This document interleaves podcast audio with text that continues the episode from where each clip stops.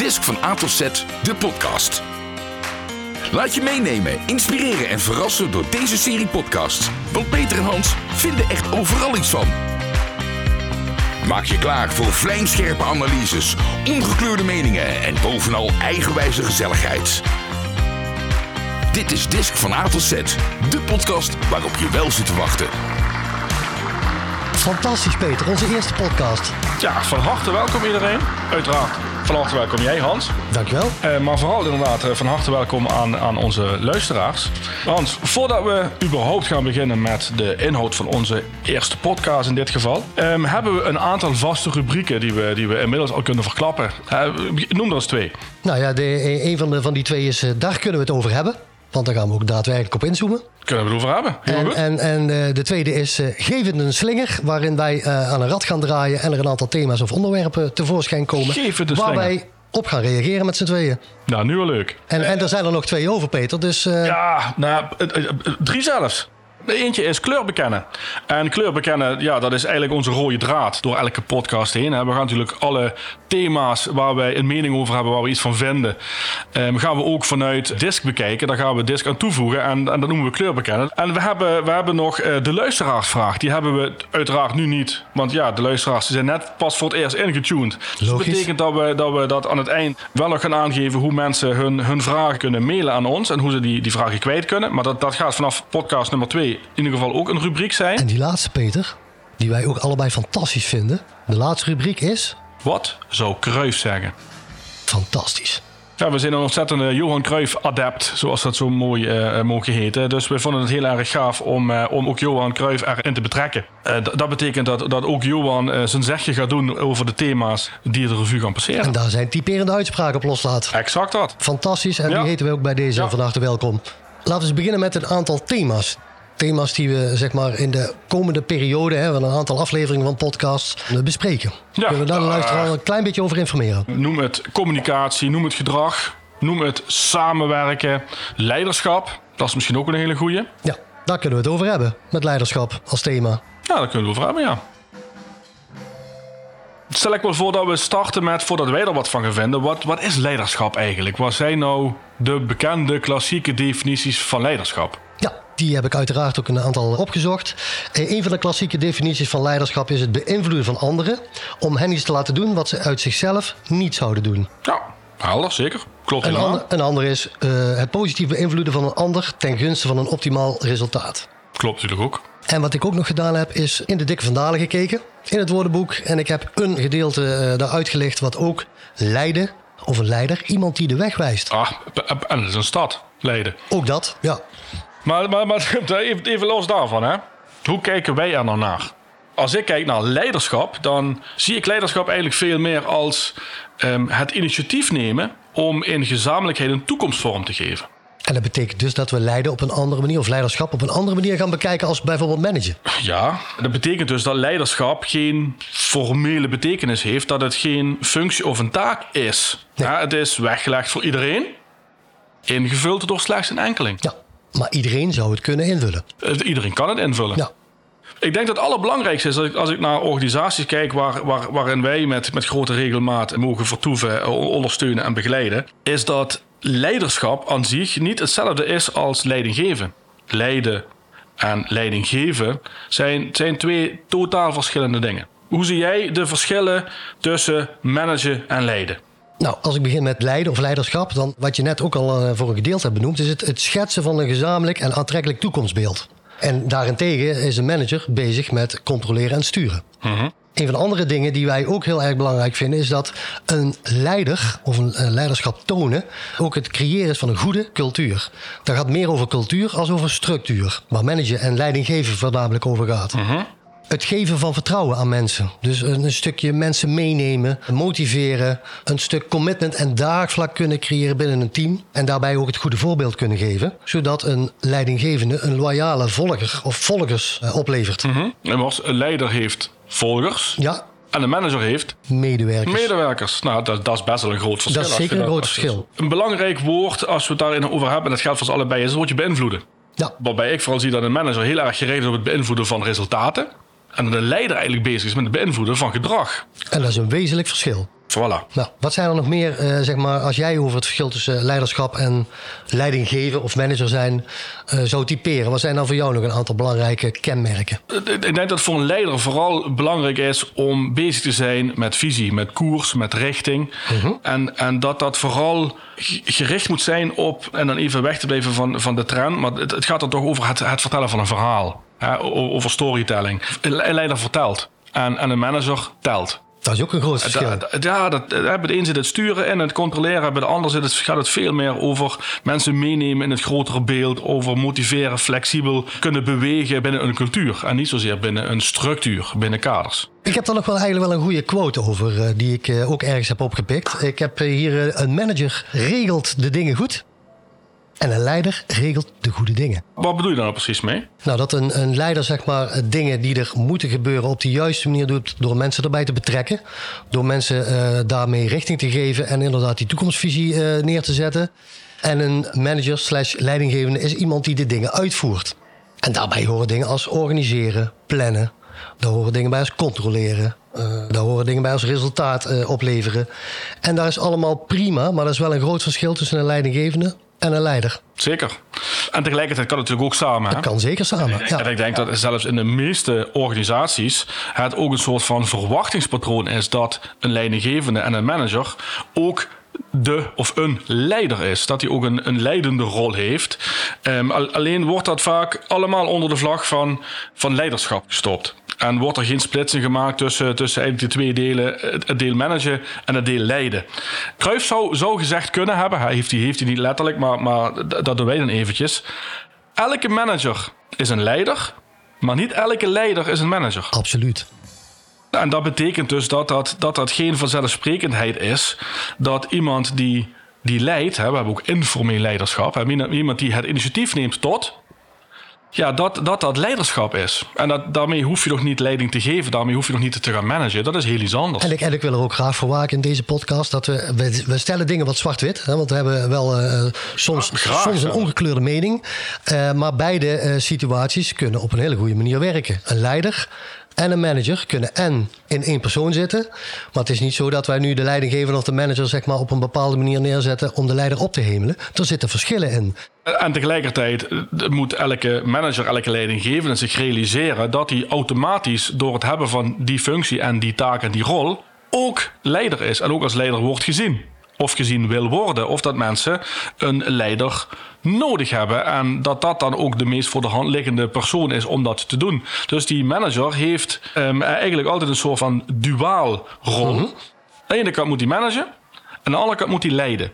En dat zijn twee verschillende dingen die ook, denk ik, ieder zijn eigen typische competenties heeft, zijn typische eigenschappen heeft. Maar leiderschap, daar, daarvan, daarvan kennen wij eigenlijk twee richtingen. Ja, de- we hebben de richting het individu en we hebben richting team of groep. Hoe, hoe, hoe zie je dat? Nou, weet je, het, eh, als het gaat over het, eh, over het individu, dan is het leiderschap proberen om op een positieve manier dingen te doen, aan te wenden en daar met een optimaal resultaat te komen. Dat is zeg maar met name het individuele stuk. De focus ligt dan vanuit leiderschap op empowerment. Empowerment, ja, absoluut. Ja, van, het, van het individu. En als ik ga kijken naar leiderschap eh, vanuit een team gezien, dan, dan spreken wij graag over de, de drie pro's. Kort even uitleggen, eh, dat gaat over product, proces en procedure. Waarbij het product het eindresultaat is, waarbij de focus ligt op, op resultaat en prestaties. Waarbij het proces meer is van hoe zijn de onderlinge verhoudingen, hoe zijn de relaties eh, met mensen onderling, hoe werken ze samen, hoe gaan ze met elkaar om. En de procedure is welke afspraken zijn er, welke regels, welke kaders, wat is de visie en het beleid. In het kort. Ja. En wij zien dat als een tuimelaar. Dat die tuimelaar altijd ergens naar het midden terugkeert. op het moment dat hij doorslaat naar een van die drie pro's. Dus stel, het is heel erg gericht op het product. Dan komt die eh, tuimelaar zeg maar weer zo langzamerhand naar het midden. Omdat het proces en de procedure ook aandacht vergen. Maar daarover gaan wij in een andere podcast. die wat meer te maken heeft met teamdynamiek. iets verder uitweiden en wat inhoud aan toevoegen. Maar dus twee richtingen leiderschap. Het individu gaat vooral over empowerment. En leiderschap richting een team gaat dan vooral over het creëren van balans tussen die drie roos. Hè. En als je dan nou naar organisaties kijkt, hoe zit dat nou? Waar ligt die Ja, focus? het merendeel van de organisatie, daar ligt de focus toch wel op de pro van product en resultaat. Ja, en dan, dan kunnen we die heel makkelijk vertalen. Dat vooral dus ligt op het stukje managen, stukje leiding geven. Ja. Veel minder dan op, op leiden. Leiderschap, maar veel meer op dat managen. En ten onrechte, Ja, zeker ten onrechte, want die andere twee zijn minimaal net zo eh, belangrijk. Ja, het- en, en, en je doet er ook mensen tekort mee, denk ik. En onbewust en onbedoeld zal dat gebeuren. Hè? Kijk, managers die van nature uit geen leider zijn, ja, die worden vaak overvraagd. En mensen die wel leider zijn, maar geen leidinggevende functie hebben, daarvan zie je vaak dat ze of overroeld worden eh, aan de ene kant, of aan de andere kant genegeerd of niet serieus genomen worden. En, en dat maakt die duale functie extra lastig. Wat heel interessant is, en dat is ook heel interessant voor de, voor de luisteraar. Hè? Dus mensen, schrijf mee, pak een pen, dikke tip, komt-ie. Het is namelijk een hele interessante vraag om in een organisatie te stellen: wanneer ben je hier een leidinggevende of wanneer ben je hier nou een manager? En dan zie je heel vaak dat het antwoord is dat je dan ook die functie moet hebben. Dat je op die manier eh, je functiebeschrijving, je taakpakket, je wordt zo genoteerd in de personeelssystemen die men heeft. Daar hoort ook een verantwoordelijkheid bij en een specifieke inschaling qua vergoeding. Dat, dat zijn standaard antwoorden die mensen Mag je hebben. dat samenvatten dat het gaat over taken, bevoegdheden en verantwoordelijkheden? Voilà, nou, exact dat. Eh, dat is dus het, het antwoord op de vraag: wanneer ben je hier leidinggevende of manager in deze organisatie? En als je daarna vraagt: goh, en wanneer ben je hier nou een leider? Dat het dan angstvallig stil blijft. Want die is niet te plotten in een functie. Die, is niet te vatten in beschrijvingen, in, in, in een functiehuis, in een takenpakket. Daar is dus iets heel anders. Dat zijn dus hele andere eigenschappen die daarbij gevraagd worden. En die zijn niet vastgelegd. Die, die, die, zweven ergens. Men weet ongeveer waar het over gaat. Maar het, het- doordat dat toch onduidelijk is en misschien wat wazig is voor, eh, voor organisaties om dat bij de kop te pakken, ehm, wordt het allemaal gewoon onder één noemer gegooid. Maar wij kunnen daar wel een aantal kenmerken in onderscheiden. Ja, dat denk ik wel. Want uiteindelijk gaat leiderschap over eh, is een soort van optelsom van competenties, gedrag, talent en persoonlijkheidseigenschappen. Absoluut. En, en kunnen we er eens, zullen we er eens een paar noemen? Zullen we de luisteraars meenemen? leiderschap bestaat uit een, nou, pak een beetje zevental specifieke eigenschappen, Hans. De- neem, neem de luisteraar en, en mij ook, en, en neem, neem ons eens mee. Nou, ik denk dat een van de belangrijkste eigenschappen ook een stuk eh, natuurlijke nieuwsgierigheid is. Dat een leider ook moet willen weten met wie hij te maken heeft, eh, hoe hij met mensen omgaat en daar ook wel op graag op wil afstemmen. Op, op de persoon waar hij mee te maken heeft of de teamdynamiek. Een ander is bijvoorbeeld eh, dat, dat hij moed moet kunnen tonen. In welke situatie dan ook. En dat hij zich daarin, als het gaat over moed, niet alleen dat, dat het gaat over dapper of lef tonen, maar ook dat je je kwetsbaar moet durven opstellen. En dat je ook daarin een aantal zaken moet kunnen bekennen. Zoals de confrontatie aangaan, ook op het moment dat er tegenslag of weerstand is. Daar heb Ja. je wel moed voor nodig om die stap te kunnen zetten. Ja, dat ben ik volledig met je eens. Hè. Het moet dapper, lef, hè. Dat, dat zijn wel eigenschappen die, die een leider ook gewoon moet hebben. Eh, Ik wil even met je terug naar die nieuwsgierigheid die je net noemde. Dat triggerde me wel. Betekent het dan ook dat een leider een nieuwsgierigheid heeft als het gaat over vooral dingen op een vragende manier doen? Jazeker. En informatie halen In plaats van zenden, brengen? ja, in plaats van zenden gaat het over informatie ophalen bij de mensen waar die mee te maken heeft. Gaaf, Ja. ben ik het mee eens. Ja, maar er zijn er, er zijn er nog een aantal meer. We hebben nieuwsgierigheid en we hebben moed benoemd. Welke, Nou, welke, eh, eerlijkheid, zeg je daarvan. Eh, en, en eerlijkheid gaat ook gewoon heel simpel over de waarheid. Ja. Als, als leider heb je een voorbeeldrol. En dat betekent dat je als leider je er van bewust moet zijn dat hetgeen jij vertelt voor de ander de waarheid is. Dus zorg er ook voor dat hetgeen dat je vertelt en waar je ze in meeneemt ook daadwerkelijk de waarheid is. En, en geen, eh, eh, nou ja, noem het maar even, een lulverhaal is. Want daar committeren mensen zich uiteindelijk niet aan. Betekent ook dat je mensen in hun waarde laat. Dat je feedback geeft op functionaliteit Ja. en niet op identiteit. Ook dat, en, en die, ook die gaat in een, in een andere podcast meer aandacht krijgen dan nu. Want ook feedback geven en ontvangen eh, verdient, verdient dat. Ja, en fouten maken mag, fouten maken moet. Maar geef ze ook gewoon toe en herstel ze gewoon. Zo simpel, eh, zo simpel is het ook. ja, weet je, en er zijn ook maar weinig leiders die openhartig durven te praten over mislukkingen. Maar weet je, daarover praten is wel een onvermijdelijk onderdeel van groeien en verbeteren. En dan heb je al meteen een mooi bruggetje naar eh, eh, nummer 4 in het rijtje. Dat is verantwoordelijkheid nemen. Ja, En zorg dus dat je aanspreekbaar bent op je eigen handelen. En houd rekening met invloed van eventuele besluiten. nou, dat, dat je ook voorbeeldgedrag laat zien. Ja, En, en, dat je, en dat je een bepaald urgentiebesef hebt als het gaat over het nemen van verantwoordelijkheid. Ja. En over het geven aan andere mensen van verantwoordelijkheid. Ja, precies. Kijk, en, en, en verantwoordelijkheid is, is ook dat, dat, ja, dat je dat koppelt aan je inzet. Mhm. Ja, het, het maakt niet uit of iets goed gaat of niet goed gaat, dat het lukt of mislukt. Ja. Maar het mag nooit aan jouw inzet gelegen hebben. En dan mogen dingen dus ook mislukken, als je er maar van leert. Ja. Dan hebben we ook nog, eh, ja, we hebben, we hebben ook dienstbaarheid, hè, uiteindelijk. Dienstbaarheid. En eh, dat, dat is dat je is als, als leider jezelf zeg maar, eigenlijk in dienst stelt van het team. Van de organisatie waar je voor werkt. Wegcijferen. Ja, wegcijferen. En, en misschien heeft het ook wel iets te maken, die link heb ik ook gelegd. Dat komt ook een klein beetje uit het boek waar ik over leiderschap heb gelezen van die All Blacks. Ah. Fantastisch boek. Zeker. En daar gaat het ook over nederigheid. Dus een leider die zich niet alleen dienstbaar opstelt, maar ook nederig kan opstellen. En ik vertaal dat eigenlijk als iemand die in staat is om zijn eigen ego even opzij te zetten. Omdat het aan, de aandacht gaat naar de mensen waar hij mee samenwerkt. Om die te helpen in een stukje verbeteren, ontwikkelen. Of de juiste koers te wijzen. En het toekomstbeeld zeg maar gezamenlijk vorm te geven. Ja, ik, ik hoor het je zeggen, Hans. En ik, en ik ben al, al meteen vooruit aan het denken naar de volgende twee. Want ik, ik denk dat de volgende twee eigenschappen die we gaan noemen cruciaal gaan zijn. Of het de leider slash manager gaat lukken om met zijn eigen ego en status om te kunnen gaan op het, op het juiste moment. Daar is iets voor nodig. Daar is zeker iets voor En, nodig. en, en welke twee dingen zijn daarvoor nodig, Hans? Dat is aan de ene kant eh, een stukje authenticiteit. Ja? Ben ik, zeg maar, kan ik mezelf zijn en kan ik dat ook laten zien? En ben ik ook gewoon eh, eh, eerlijk en oprecht, maar dat linkt natuurlijk ook een beetje aan andere dingen die we hebben, hebben Ja. eh, aangegeven. Ja?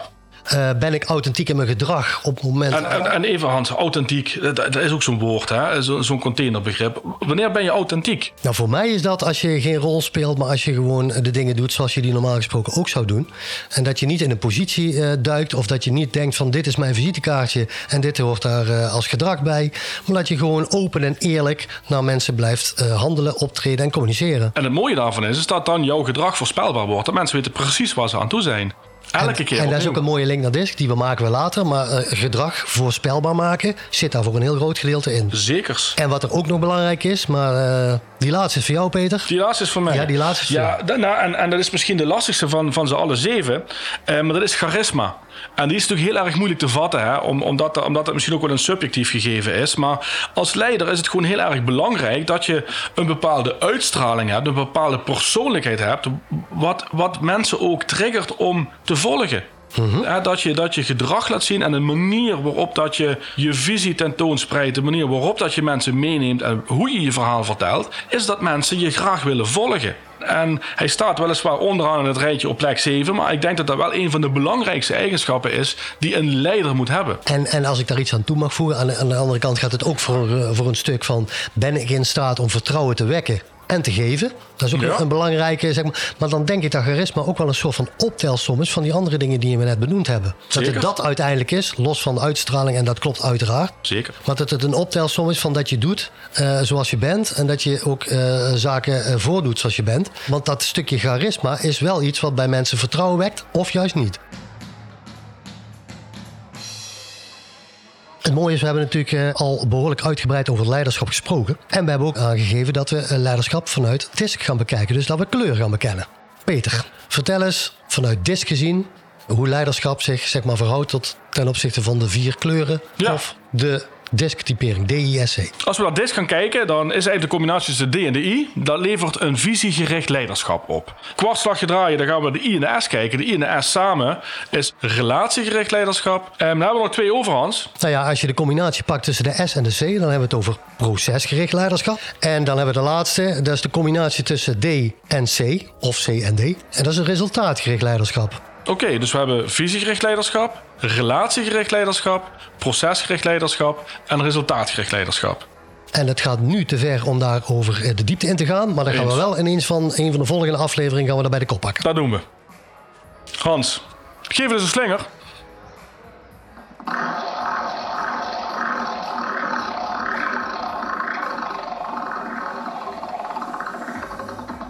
Waar valt hij op? Sport. Sport. Hij valt op sport. Nou, de beste luisteraars, het betekent dat we een 1, 2, 3, eh, geen idee, thema's sporten eruit pikken. En ja, daar vanuit leiderschap naar gaan kijken wat we daarvan vinden. Ik zal het voorzetje doen, Hans. Voetbal en dan vooral het Nederlands elftal. Als we nou naar leiderschap gaan kijken, naar het Nederlands elftal. Ja, als ik dan heel eerlijk ben, dan mis ik een stukje leiderschap in het Nederlands elftal. Ja, dat kan. Dat kan. Maar, eh, maar wat bedoel je dan precies? Nou kijk, er is een, eh, net als het bij eh, teams en or- in organisaties werkt, is er altijd iemand die de, als leider of leidinggevende opereert. Vaak wordt het beste jongetje van de klas, en dat is ook in de sport zo, wordt eh, aanvoerder of teamleider. Nou, laten we eens even gaan kijken naar, naar het Nederlands elftal. Daar is onze aanvoerder Virgil van Dijk. En is Virgil van Dijk, als we hem langs de meetlat leggen van wat we straks hebben aangegeven, een leider? Ja, dat is een hele goeie. Daar, daar denk ik ook van niet. Ben ik met je eens. Wat maakt nou Virgil van Dijk dan wel aanvoerder, maar niet zozeer een leider? Waar zit hem dat in? Nou, volgens mij omdat hij in het verleden goed heeft gepresteerd bij Liverpool. Dat heeft ervoor gezorgd dat hij, ook omdat hij achterin staat, dat het automatisch zo is dat hij die, die band van aanvoerder om zijn, eh, om zijn mouw gedraaid krijgt, Ja. krijgt, gewikkeld krijgt. Hij, hij is dus echt zeg maar eventjes in, in het klein en ook een beetje platgeslagen. Een soort van in het veld de manager. Hij zet de lijnen uit, hij bepaalt, hij communiceert met, met, met en, en de, de zijkant met de trainer. Ja, met zijn Ja. manager. En hij communiceert met de scheidsrechter. Maar wat, wat missen we dan? Nou, ik, eh, ik mis voornamelijk het stukje commitment en draagvlak creëren. Daadkracht, ook laten zien in het veld. En dat dat niet alleen moet afhangen van de prestaties die hij zelf heeft geleverd. Want dat is wat ik met name zie bij Virgil van Dijk. Is dat het ook afhankelijk is van of hij wel of niet lekker in zijn vel zit of goed presteert. Ja, oké. En, en als ik naar Nederlands elftal kijk, dan wat mij dan altijd opvalt, sowieso überhaupt bij, bij voetbal, zijn er meerdere voorbeelden. Maar als we even Nederlands elftal houden, dan kijk ik bijvoorbeeld naar Frenkie de Jong. Die ik dan toch even los van vorm en moment de meest bepalende speler vind. De meest leidende speler vind. Hij vraagt de bal op, hij is het meest in balbezit. Hij is heel erg leidend om eh, van achter naar voren toe de combinatie en de verbinding te maken. Ehm, dus hij is eigenlijk drie und angelpunt, zoals we in goed Engels eh, altijd zeggen. Maar hij is geen leider. Nee, Nee, maar wat ik zie en wat je herkent is dat de andere spelers dat soort wel van hem verwachten. En eigenlijk, wij als toeschouwer, dat eigenlijk ook graag toebedichten aan zo'n speler. Dat hij ook de leidersrol moet nemen. Hè, zien we ook terug bij een Messi, een De Bruyne, een, noem het maar op. hele goede voetballers. Die zeg maar, ook het spel zeg maar, naar zich toe kunnen trekken. Ja, En die ook heel bepalend kunnen zijn in het veld. Alleen die niet die leiderschapsrol op zich nemen. En als het al gebeurt, dan gebeurt het vanuit een soort van introverte leiderschapsvariant. Ja. Maar dat zijn niet de leiders die op een bepaalde manier de lijnen uitzetten. Ook in het team. Het zijn wel meer de mensen die zeg maar, goed presteren. En ervoor zorgen dat de anderen wel wat makkelijker tot hun recht komen. Zonder nadrukkelijk aanwezig te zijn zelf in dominantie of daadkracht. Dus we hebben een aanvoerder, maar we missen een leider. Wat, wat, voor- wat voor effect heeft dat op uiteindelijk ook het resultaat? Nou, dat heeft heel veel effect op het resultaat. Want uiteindelijk hebben we ook iemand nodig die de rest meesleurt, aanjaagt. En eh, die zeg maar mede verantwoordelijk is voor het resultaat. Maar dat wel op een andere manier doet, vanuit cultuur. En vanuit een cultuurrol, zeg maar, die leiderschapsrol op zich pakt. zonder dan meteen te verbinden direct aan het resultaat. Ja, want immers leiderschap is het nemen van initiatief om in gezamenlijkheid een toekomstvorm te geven. Ja, en dat is dan wel in de wedstrijd 90 een, na- een, een nabije Ja, toekomst binnen die 90 minuten. Binnen die 90 minuten, Ja. zeker. Ja. Zeker. En dat is, dat is zeg maar wat, wat maakt dat, in ieder geval wij vinden, dat Virgil van Dijk niet echt een leider is. Nee, wel aanvoerder. wel aanvoerder. En die fout wordt, nou ik zal, niet, ik zal het ook geen fout noemen, Nee. maar die misvatting wordt in het bedrijfsleven ook vaak gemaakt. Ja, Maar dat niet de meest ervaren man automatisch teamleider of aanvoerder wordt. Maar dat het te maken heeft met de competenties en de, en de karaktereigenschappen die wij ook benoemd hebben. ja. Wat binnen bedrijven en organisaties eh, vaak een misvatting is, is dat de meest ervaren man teamleider wordt of leidinggevende. En dat is niet per definitie degene die de meeste kenmerken of eigenschappen van leiderschap bezit. Dat is een voorbeeld uit de sport. Hè. Het rad is vandaag eh, gestopt op sport. Met Ja. het slinger. We hebben ook nog de Formule 1. Daar hebben we ook Oeh. vast een, een, een voorbeeld Nou van. ja, kijk, Max is natuurlijk inmiddels Max Verstappen, hè, inmiddels wereldkampioen geworden. Hè. Eh, Red Bull eh, heeft het constructeurskampioenschap gewonnen. Dus ik zou het dan wel het meest speciaal vinden om even samen in te zoomen op, op vooral op Red Bull en Max Verstappen. Als we het dan toch over leiderschap hebben hè, en, en over, vooral over de manier van communicatie tussen Max Verstappen en zijn engineer, Jean-Piero eh, Lambiase, is dat, is dat wel heel bijzonder te noemen. Kleur bekennen, laten we aan het begin al kleur gaan bekennen. Dat is ook typisch bij deze kleur. Want het, het is allebei D, het is allebei rood. Ja. Ja, dus het is hele korte, felle, rationele, taakgerichte communicatie. Waarbij ik het heel mooi vind dat die twee elkaar feilloos weten te vinden, maar ook weten te respecteren in hun resultaatgerichtheid. Hè? Want, want eh, kijk, Max die zegt gewoon heel simpel, eh, als hij de vraag krijgt van, goh, jullie zijn nu dominant met Red Bull, jullie winnen alles. Eh, als jij vanuit pole position of waar je ook start, die eerste bocht overleefd hebt, dan ben je er vandoor en, en, en dan pak je 20 seconden. Mis je het niet of zou je het veel gaver vinden om strijd te leveren met elkaar? Ja, daar is Max in drie woorden mee klaar. Zegt hij, nee, het enige wat ik wil is winnen. Dus hoe makkelijker ik kan winnen, hoe fijner het voor mij is. Ik hoef geen strijd, ik wil alleen maar winnen. En, en daar is alles bij Max op geënt. Maar het feit dat zij zeg maar, uh, allebei vanuit een rode voorkeursgedrag van het D communiceren met elkaar, betekent ook dat ze elkaar op een bepaalde manier dingen kunnen vertellen. Zonder dat dat later aan het eind van de race of na de race, zeg maar, dat het nog kwalijk genomen wordt en dat het blijft hangen. Ja, exact. Met, met resultaat als uitgangspunt van, nou ja, dit, dit is voor ons allebei belangrijk. En vanuit die optiek kunnen wij dingen aan elkaar uh, vertellen, communiceren. En dat gaat meestal ook al uh, fel. Absoluut, ja. En aan het eind van de rit, zoals het een, een goede debutant, nemen ze daar niet mee naar huis. Nee, precies. En je hoort wel vaker dat als dan de gemoederen wat hoger opgelopen zijn, als dingen niet lekker lopen of het een beetje misgaat. En dan zijn wel wat races geweest. Hè. Vooral de race, denk ik, in Singapore een tijdje terug, waar hij na zijn winningstreak van 10 niet gewonnen heeft, wat allemaal, allemaal wat, wat minder ging. Ja, dan zie je ook dat die communicatie extra fel wordt en dat ze op momenten ook best persoonlijk kunnen zijn over een boordradio. En dan is het mooi om dat weer terug te lezen achteraf. Dat ze bijvoorbeeld, eh, dat Max samen met zijn, uh, zijn engineer, hè, uh, met, met Lambiase, potje is gaan, gaan padellen. En, en daar hebben ze eigenlijk hun, al hun negatieve energie uh, eruit, letterlijk eruit geslagen. Niet op elkaar, maar, maar op een bal. Uh, en ze daarna lekker een hapje gaan eten met elkaar. En hebben daarmee de relatie ook weer, weer meteen hersteld. Ja. En doen het op een hele natuurlijke manier. Dus ze accepteren het van elkaar dat het soms heel fel kan zijn. En ze weten allebei waar ze het voor doen. Ze hebben namelijk een doel voor ogen. En, en dat is wereldkampioen worden. Ten koste van alles. En dat mag dus ook ten koste van elkaars gevoel zijn op dat moment. Dat vinden ze allebei niet zo heel erg. Nou ja, jij, jij noemde de afgelopen weken nog een heel mooi voorbeeld. Dat Max op een gegeven moment had gezegd tegen Jean-Pierre. Ja, dat was een mooi moment. Er was wat disbalans in Ja. de auto. Eh, en dat betekende in de kwalificatie dat hij eigenlijk alle kanten uitging. En hij had heel veel, heel veel overstuur. Dus de, de, de achterkant van de auto die, die brak steeds uit. En hij gaf iets aan in de trend van... Goh, weet je, we kunnen beter met een drifting kampioenschap meedoen. Dan win ik tenminste. Waarop zijn ingenieur eigenlijk zei van... Goh Max, luister.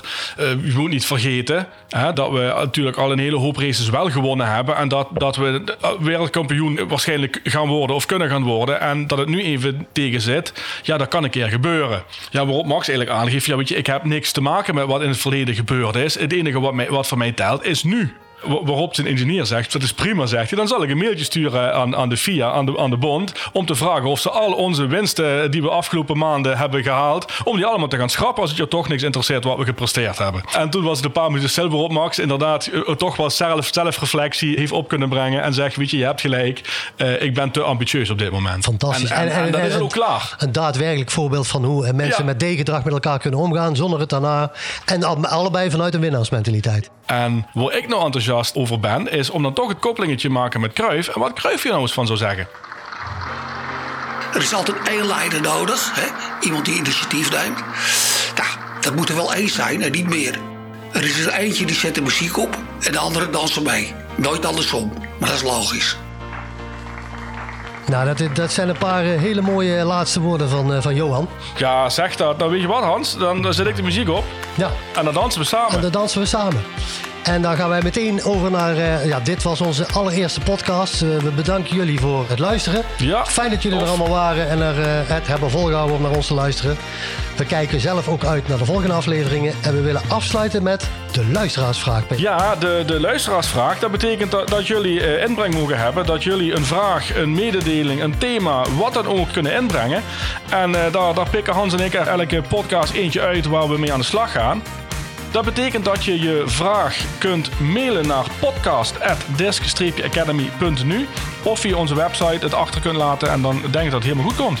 We zijn heel benieuwd naar jullie input. Absoluut. Dankjewel voor het luisteren. Tot de volgende. Ciao.